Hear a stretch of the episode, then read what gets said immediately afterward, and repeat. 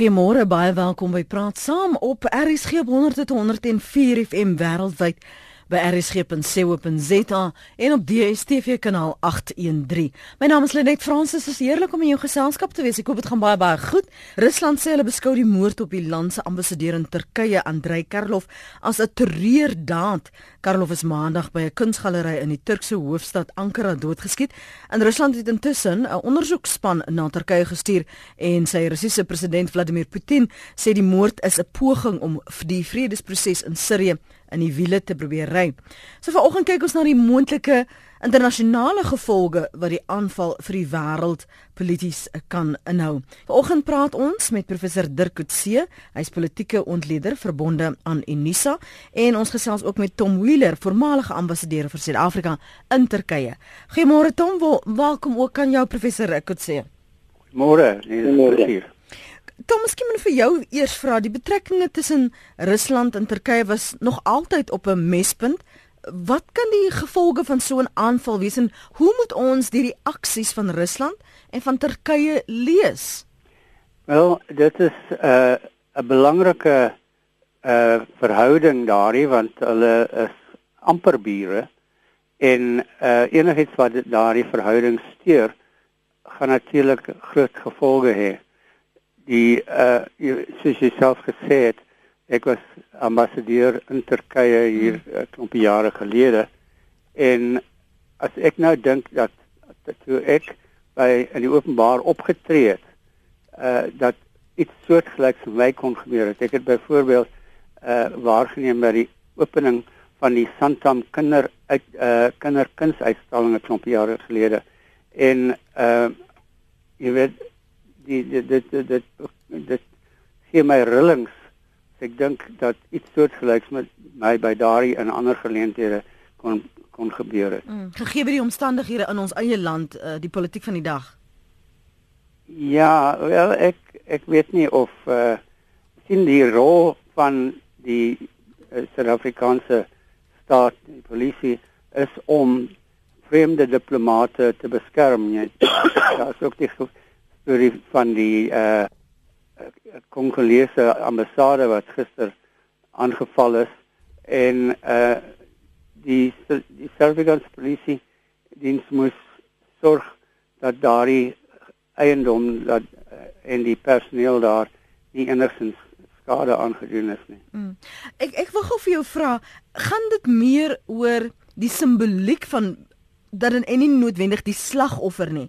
Um soos byvoorbeeld dat dit gaan nie oor of dit Andrei Karlov was nie, dit gaan oor wat hy verteenwoordig en van waar hy kom. Ja, ek dink dit is uh, dit is heel 'n redelike afleiding want eh uh, uh, ambassadeurs is aangestel om hulle lande te verteenwoordig in 'n derde land. En eh uh, so as jy daardie persoon aanval, dan val jy die land aan wat hy verteenwoordig. Mm. Dirk, waar het die rusie tussen die twee lande begin en hoekom het dit so geeskaleer? Want dit eh, die verwysing na Aleppo is gemaak in die aanslag op eh, die Russiese ambassadeur, so dit uh, verwys daar as gevolg daarvan direk um, na die oorlog in Sirië. So ek dink mense moet vredelik pertinent kyk na waar die twee lande staan en die verskillende lande in die Siriëse oorlog. Ehm um, wat ons weet is is dat die Russe uh, baie sterk ten gunste is of ter ondersteuning is van die huidige president president uh, Assad um, wat uh, terselfdertyd ook ondersteun word deur uh, Iran baie spesifiek. Um, en dan Turkye wat in 'n baie ambivalente posisie is want aan die een kant vroeër het hulle was hulle gekant teen president Assad um, en uiteindelik betrokke geraak by die oorlog in vorm van lugaanvalle op uh, die Syriese regering maar hulle was nie noodwendig uh wou nie noodwendig betrokke raak by die aanvalle teen die teen die Koerde nie. Ehm um, dit het met die tyd verander um, omdat die Koerde in Noord-Sirië uh een van die mees effektiewe uh, groeperings geword het um, aan die aanval teen uh ISIS aan die een kant um, en aan die ander kant teen president Assad. So die ek dink die die die komplikasie wat hier is is dat daar is eintlik twee teikens en die verskillende lande wat betrokke is of dit Amerika is of dit Rusland is of dit Turkye is ehm um, kies watter van daardie twee teikens hulle primêre teikens is. Um, in die geval van ehm um, die Russe is dit uh, ISIS in die eerste instansie. Ehm um, en tweedens word baie baie beslis die die rebelle veral die in Aleppo. Terwyl die Turke hoofsaaklik teen teen ISIS is en teen president Assad. Maar ehm um, ambivalent is oor oor die rebelle dit is maar dat hulle nie wil die die Koerde te veel ondersteun nie omdat dit dan meer en meer soort van selfvertroue vir die Koerde in Turkye sal gee. Nou ons het gesien nou die afgelope week of paar dae eintlik die aanvalle van die die Turkse Koerde, die PKK teen die Turkse weermag uh, en en polisie. Ehm um, so dit is die komplikasies wat daar ook bestaan in 'n meer reduksionistiese gesin uh, vir uh, vir eenvoudige oorveenvoudige manier van daarna kyk. Kyk sommige mense daarna as die stryd tussen die die Sunni moslems versus die Shiites. Nou die Shiites is die uh, is die van in, uh, Iran sowel as die wat uh, die Alawites wat uh, in in Sirië is wat uh, die, die hoofgroepering van president Assad is. So dis inderdaad die wat die incident gebeur het. hmm net op, 'n punt wat na aanleiding van van die die uh, skietery daar in die uitsprake wat gemaak is dan vergeet Aleppo het het die wêreld iets wat vergeet van Aleppo Dirk Nee, ek dink die die wêreld het vergeet van Aleppo nie. Ek dink die probleem wat ons nou sien is is dat daar 'n groter polarisering wees gesom plaas in Aleppo. Dat diegene en veral die seun byvoorbeeld um, wat daar pro baie pro die ondersteuning van Aleppo en van die rebelle en van die die vlugtelinge binne Aleppo is. Um, en dan die Russe wat sê en die Russe en die Syriese regering wat sê dat Aleppo se mense is terroriste. Hulle is uh, rebelle wat in opstand kom teen 'n wettige regering. En daarom probeer hulle die die, die voedingslyne na Aleppo sny en hoe dat daar enige hulp na hulle toe kom um, en ook hulle met ligaamvalle soveel as moontlik probeer vernietig. Um, aan die ander kant is dan die meeste westerse lande onder andere Amerika wat pro die rebelle van Aleppo en, en dit is die die groot kontradiksie wat daar nou bestaan is dat daar internasionaal geen konsensus oor Aleppo is nie. En dit het in 'n in 'n sekere sin nou die verpersoonliking van die oorlog in Sirië geword. Tom, ons wil net gou teruggaan na die die aanval. Rusland sê hulle beskou dit as 'n terreuraanval. Nou val dit saam met wat ons in Berlyn gesien het. Moet mense dit uit en uit maak en afmaak as 'n terreuraanval of strook dit maar met die politieke milieu wat in daardie streek bestaan? Wel, jy weet die die uh, polisieman, die Turkse polisieman wat hierdie uh, aanval geloods het teen die Russiese ambassadeur het juis verwys na wat in Sirië aangaan. So jy weet hy is waarskynlik uh jy weet Turkye is veronderstel om 'n sekulêre staat te wees, maar like my hy is self 'n uh, islamist islamist en uh en simpatiek vir wat in uh Assad se Sirië plaasvind.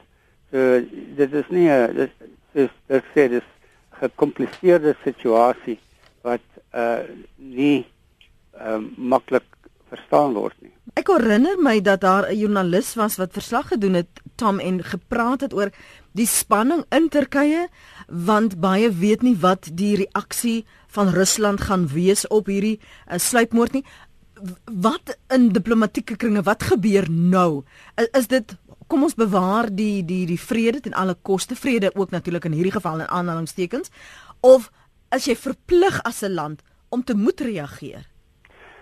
Ek dink nie dis in die belang jy weet uh, diplomatie is die uh die vredesame verhouding tussen lande terwyl die militêr nou die die die uh uh aggressiewe rol speel in die verhouding.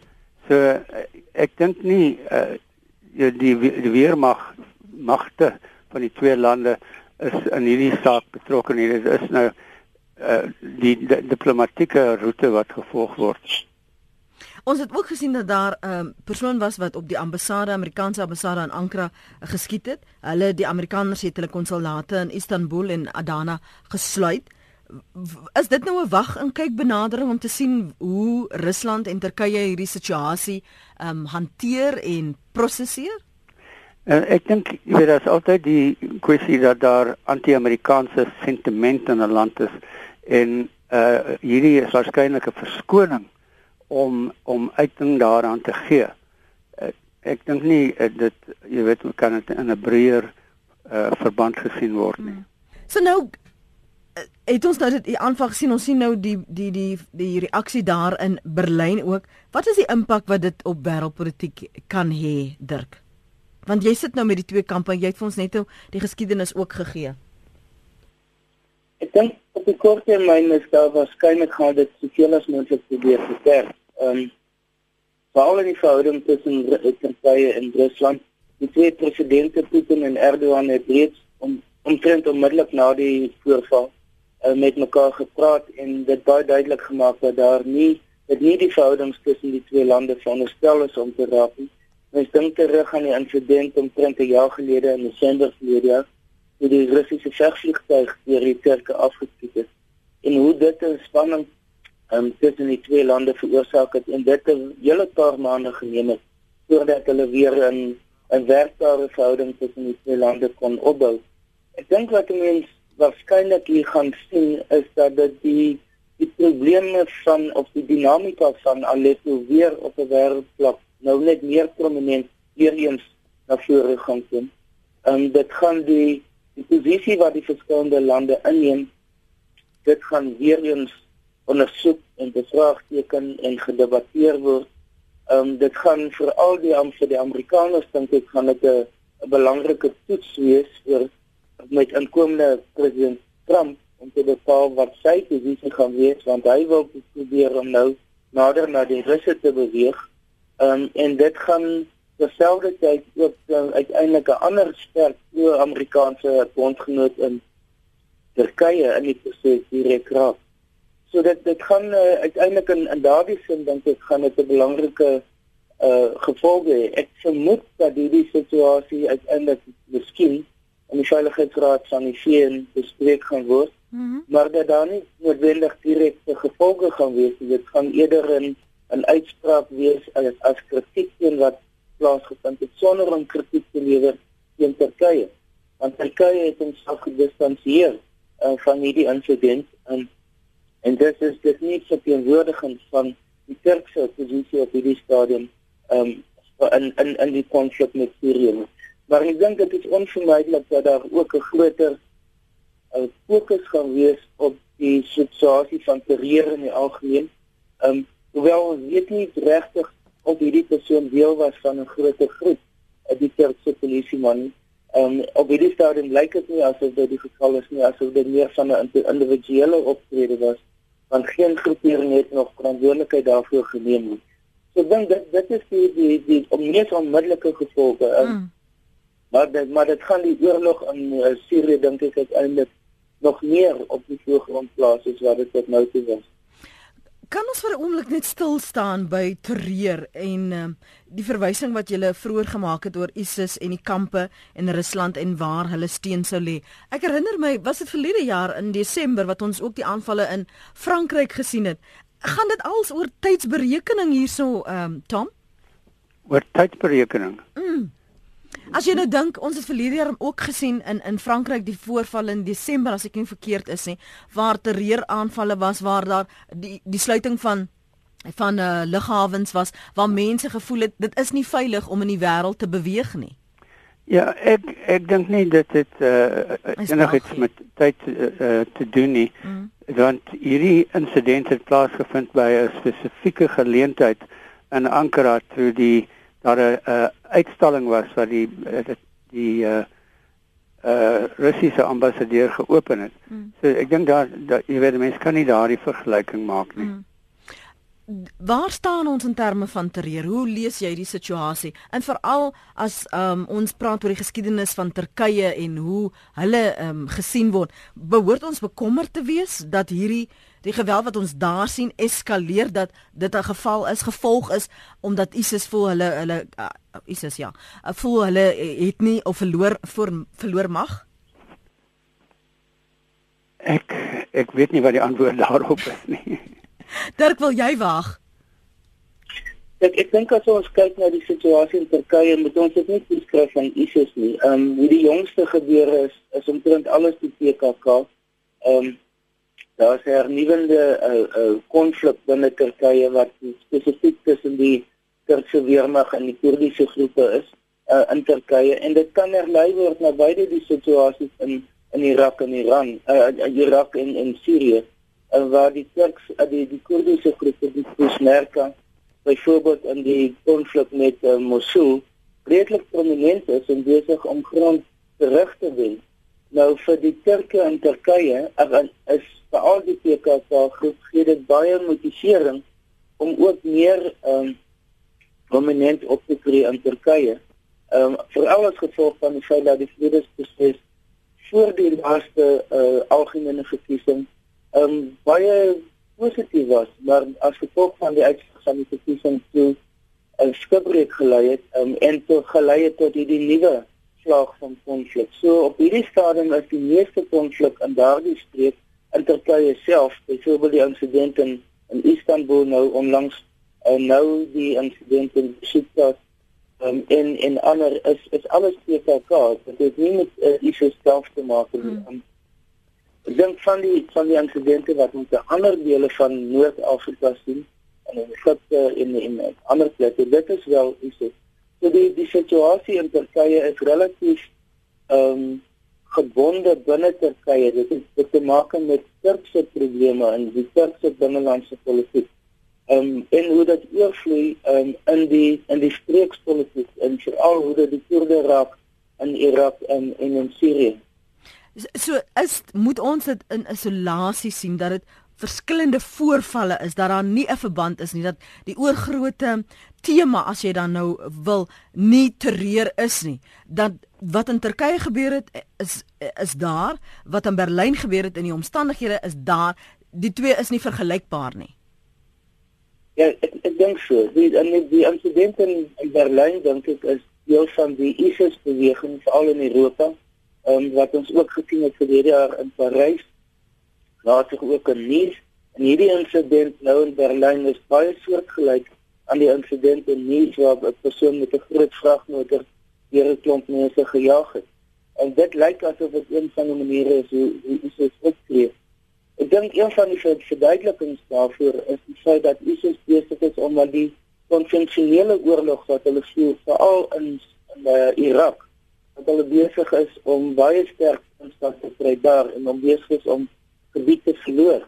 So in, in as 'n alternatief um, om steeds 'n prominente internasionale beweging te wees, is hulle dus besig om meer terreur optredes um, in die vorm van uh, bomaanvalle um, en hierdie tipe van insidente selfmoordaanvalle um, om dit te loods in Europa.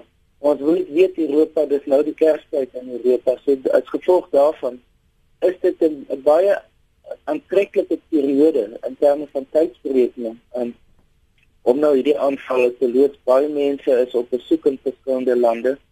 Um, as gevolg van die Kerstyd. Um, en dit beteken dat so 'n insident nog meer van 'n impak het as wanneer dit in ander tye van die jaar sou wees. Die die die spekulatiewe aard van wat hierdie tipe insident kan meebring. Ek het op Twitter gesien iemand ehm um, tweet dat hierdie soort ding kan lei tot 'n groot skaalse oorlog. Ehm um, is, is dit ver gesog om dit te dink, ehm um, Tom? Ek dink dit is uh, dit is ehm um, hierdie is 'n probleem wat uh, Turkye spesifiek en ook dan die Duitsers en die en die uh, uh, uh, Franse mee opgeskep sit. So ek kan nie sien dat aanvalle deur 'n uh, 'n uh, grensgroep kan lei tot oorlog tussen lande nie. Mm. So ons ons daar's vandag makery dan. Ja, dit is uh, jy weet dit is uh, geleenthede wat misbruik word as dit ware uh waar daar uh waar lande nie uh, bereid was wat nie voorspel het nie en dis nie reg was om op te tree toe toe die aanvalle plaasvind. Nou vroeër het die Turkse president Tayyip Erdogan gesê hy en die Russiese president Vladimir Putin het tydens 'n telefoongesprek ooreengekom dat hulle samewerking en solidariteit in die stryd teen terreur na die voorval, dis nou die sluipmoordvoorval daar in Turkye by die kunsgalery versterk moet word. En Erdogan sê die doel van die aanval was om betrekkinge tussen Turkye en Rusland te skaad. Hoe was hierdie verbond dan nou tussen die twee lande om terreur te bekamp, die samewerking en solidariteit tot dusver, Dirk? Dit tot dusver was daar 'n mate van same, samewerking gewees. Ehm um, ek dink een van die komplikasies vir die Russe is dat hulle hulle eie moslim bevolking is nie noodwendig altyd baie samewerkend nie. Net dink byvoorbeeld aan Tsjechië. Ehm um, wat vir baie jare 'n groot brandpunt binne uh, Rusland was en die Russe het hulle in 'n sekere mate in front heeltemal vernietig. Ehm um, maar as gevolg Tsjechië het 'n simbool geword van die die moslim weerstand binne ehm um, Rusland. Ehm um, en sekere persone in in in in Rus en Turkye, sowel as in die groter Midde-Ooste, ehm um, sien Tsjechië nog as een van die belangrike simboliese stryde wat gekry is binne Rusland vanuit 'n moslim perspektief. So uh, uh, dit is super is altyd baie sensitief vir die moontlikheid dat die moslim situasie kan oorspoel um, in Rusland. Um, ek dink as gevolg daarvan het hy nou twee kante gekies. Hy kan aan die een kant het hy Iran gekies wat hy van die Shiitiese kant kom. Um, en nou het hy ook meer en meer beter verhoudinge begin ontwikkel met Turkye wat van 'n Sunni kant af kom. In 'n sekere sin probeer hy albei kante kante um, in die moslim probleme wat daar in die Midde-Ooste bestaan akkommodeer deur hierdie twee lande. Die probleem egter met die feit dat hierdie twee lande gekies het, is dat hulle nie een is 'n Arabiese land nie. Hulle is lande wat moslim is maar nie Arabies nie. Hulle verteenwoordig nie die essensie van die Midde-Ooste op hierdie stadium. Ek dink dit is een van die die probleme vir Iran is is hoe om betrokke te raak by 'n land wat meer direk in die hart van van die Midde-Ooste is. En dit was skynlik hoe vir my super waarde heg aan Sirië op die stadium. En die ander opsies sou Saudi-Arabië of van die kleiner lande soos Oman en Qatar en ander gewees het. Um, maar op hierdie stadium het hy sy meeste uh, steun gee aan Sirië. Een van die redes daarvoor is dat hy 'n uh, dat daar 'n Russiese vlootbasis in Sirië, die enigste Russiese vlootbasis in die in, in Middellandse See. En en dit is dus een van die hoofredes hoekom daar so 'n sterk kritiese teenwoordigheid in in Sirië te hom is. Johannes wil saamgesels. Hy sit in die Vrystaat. Môre Johannes. Okay, môre Lenet. Lenet was wel nou net hierdie storie eh uh, by die punt van die van die van die hele ding. As ek kom van onder te wo begin. Ek ons, ons dink Ronald Trump sou nie instem om nou daai verwoeste aan te gaan daar in Syrië want dit is 'n nuwe man en jou uh, jy weet die politieke onleerders daar so wat nou elke dag want jy weet ek is op 70 jaar. Ons leser amper vir jou elke dag. So, ons glo Donald Trump sou nie want uh, dit was nou sirkusse daar so as jy nou mooi onthou Libya Afghanistan, Irak en Kuwait. Amerika die die die die noorde, hulle het nou meer te doen te hê met daai fight. Russia het nou nou net skielik ingekom om te sê hoe stop. Dit gaan nou te ver en nou iets wat nou ons verbaas. Turkye is na by Syrië en uh, dit wys uh, uh, klaar dat Syrië uh, Turkye gaan ook saam met die weste. En uh, ons hang nou met 'n vraag te sê hoe ver gaan hy gaan maar ons glo Donald Trump sal nie stem met die storie. Dankie Lenet. Goed Johannes, dankie. Uh, hy dink oor hoe of wat dan nou die benadering van uh, uh, Donald Trump sou wees. Elna sit in Polokwane. Môre Elna. Goeiemôre Lenet. Ek het net 'n vraag vir jou vir jou ehm um, gaste daar. Mm. Um, ek ek weet nie of dit 'n uh, algemeen bekende feit is nie, maar uh, Rusland laat geen moslems in hulle land toe nie. Daar's geen moskeeë nie Hulle laat glad nie enige boerkas of enigiets daar nie. In feite het uh, jy weet dit hulle president gesê die moslems kan kom, hy sal hulle self dan besluit. Dink jy nie dit is of my vraag is eintlik is dit nie dalk hoekom hulle Rusland so teiken nie vir al ISIS nie omdat Rusland uitgesproke Christene is en eintlik Rooms-Katolieke is. Dit maar net 'n vraag aan die gaste. Dankie. Dirk, ehm um, ekskuus tog Tom, wil jy daarop reageer? Ek uh ek is nie seker weer eens dat ek weet wat die antwoord daarop is nie. Mm. Ehm um, Dirk? Ja, dit is 'n moeilike vraag. Ek dink nie dit gaan oor omdat hulle Christene is nie. Dit is dit gaan in 'n groot mate oor die internasionale rol wat is uh, Rusland besig om te speel. Ehm um, wat ons weet is is dat ehm um, Israel is die primêre teiken van die Assad-regering in Sirië. Ehm um, en die, die Russe ondersteun president Assad in sy stryd teen Israel. So dit skep outomaties iets in in in verhouding tussen Israel en en Rusland wat eintlik niks te maak het met wie watter tipe van godsdienst het nie, maar maar eerder met wie staan waar in die Syriese stryd. Um en dit beteken dan dat Russiese of dat Israel outomaties uh, Russiese tekens kan kan identifiseer. Dink byvoorbeeld ons moet miskien nie sê dat hierdie Turkse ehm um, polisieman outomaties 'n ondersteuner van Israel is. Ehm um, dit is iets wat nog nog sou moet duidelik word ehm um, van wat sy politieke posisie was. Die spesifieke verwysing na Aleppo want Aleppo word nie deur Israel be uh, beheer nie. So dit is nie as dat die aanval van die Russe op Aleppo 'n implikasie beteken 'n aanval op op Israel. Uh, Aleppo word beheer deur die plaaslike nasionale rebelle beweging in in Sirië, maar dit word nie beheer deur deur ISIL nie. So in in daardie sin dink ek is daar nog baie onduidelikheid van wat werklik die die politieke motief was um, agter hierdie sluitmoord op op die president ambassadeur. Loffie is waar. In Natal, Loffie, goeiemôre, ons luister. Môre, ehm um, jong, ek werk vir Global Relief en ek kom net terug van Libanon. Ons het daar onder die vlugtelinge gewerk van Sirië van Aleppo en die verskriklike stories gehoor, maar die punt is die mense daar gaan nie uit om vergelding nie. Hulle is op 'n pad van versoening en vergifnis en ons het daar met die kinders gewerk in Libanon en ek dink mense in Suid-Afrika sien die situasie anders as die mense binne in Sirië en binne in Libanon. Hulle is nie uit op vergelding nie hmm. maar wel op vergifnis en dis maar my punt wat ek wil maak vir julle. Wat wat was jou ervaring van die spanning wat ons van lees van tyd tot tyd?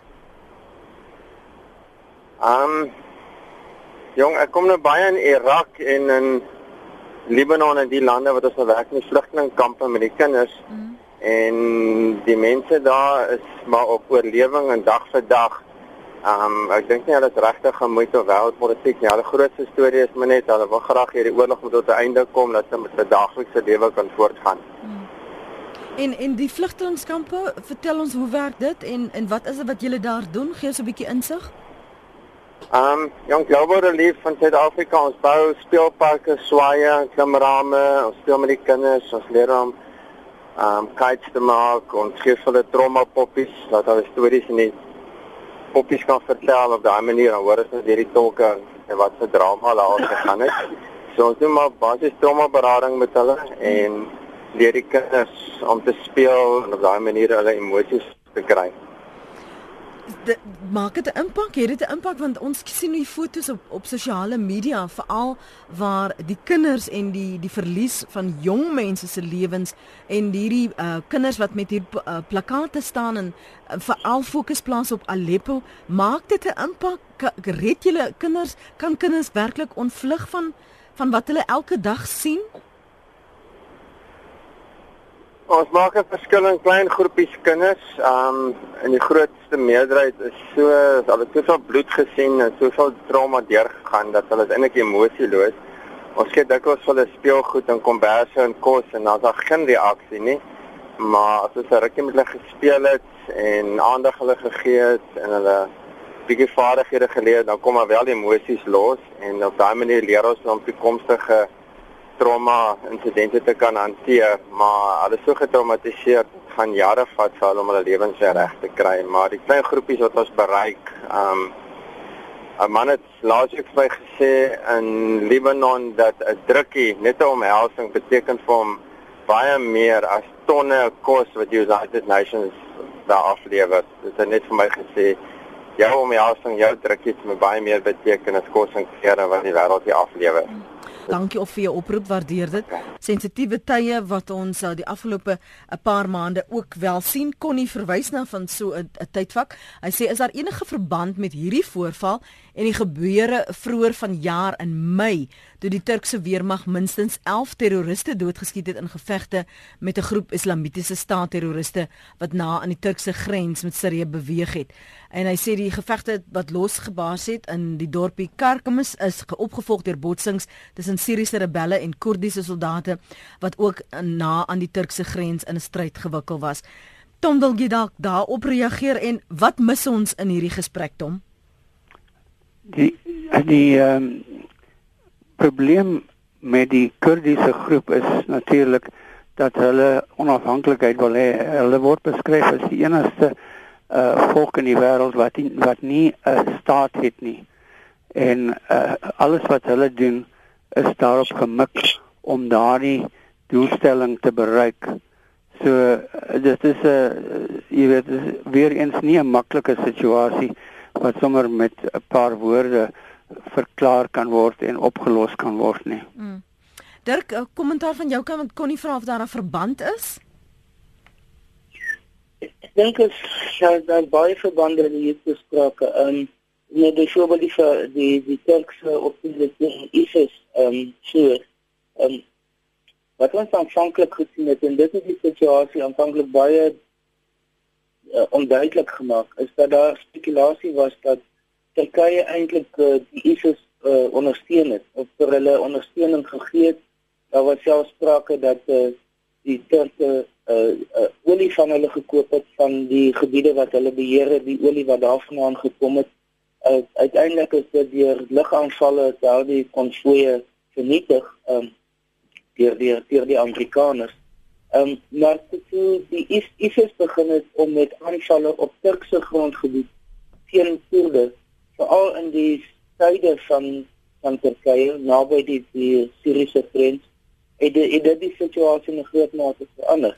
Um, en toe het die Turke begin om aktief teen ISIS op te tree. En um, die rede hoekom daar 'n gevoel was dat die Turke moontlik simpatiek teenoor ISIS is is die feit dat hulle ISIS in primêr nie uitsluitlik nie maar primêr 'n groepering is, beweging is wat uh, ondersteuning van het Sunni Muslim geleerders kry. Um, en die meeste moslems in Turkye is ook Sunni moslems, maar nie die um, in in geval van Sirië is die leidende die regerende groepering is Alawites wat meer nader aan die Shiites van Iran en ander lande is. So dit is die die verdelingslyne wat op die foutlyne wat daar ontwikkel het. En wat in die tussentyd nou gebeur het is, is dat as gevolg van die feit dat ISIS begin betrokke raak het op optrede teen Turkse Koerde en Syriese Koerde binne Turkye, um, het dit die Turkse weermag opgestel teen ISIS. Hmm. En ten spyte van hierdie sogenaamde simpatie wat daar bestaan, wat egter nou meer problematies geword het, is, is dat die die Turkse Koerde uh veral onder leiding van die PKK, hulle het nou weer begin met 'n sabotasie en 'n konflik teen teen die Turkse weermag. So dit beteken dat die Turke nie noodwendig uh, die Turkse Koerde wil beskerm teen ISIS nie. Uh, en en dit is waar die situasie op hierdie stadium hoogs onduidelik is. Formeel is die Turke nou daarop ingestel om die ISIS uh, te konfronteer om hulle aan te val waar hulle ook al is. Um, Ehm um, en want dit is dan ook die gemeenskaplike vyand met die Griekse.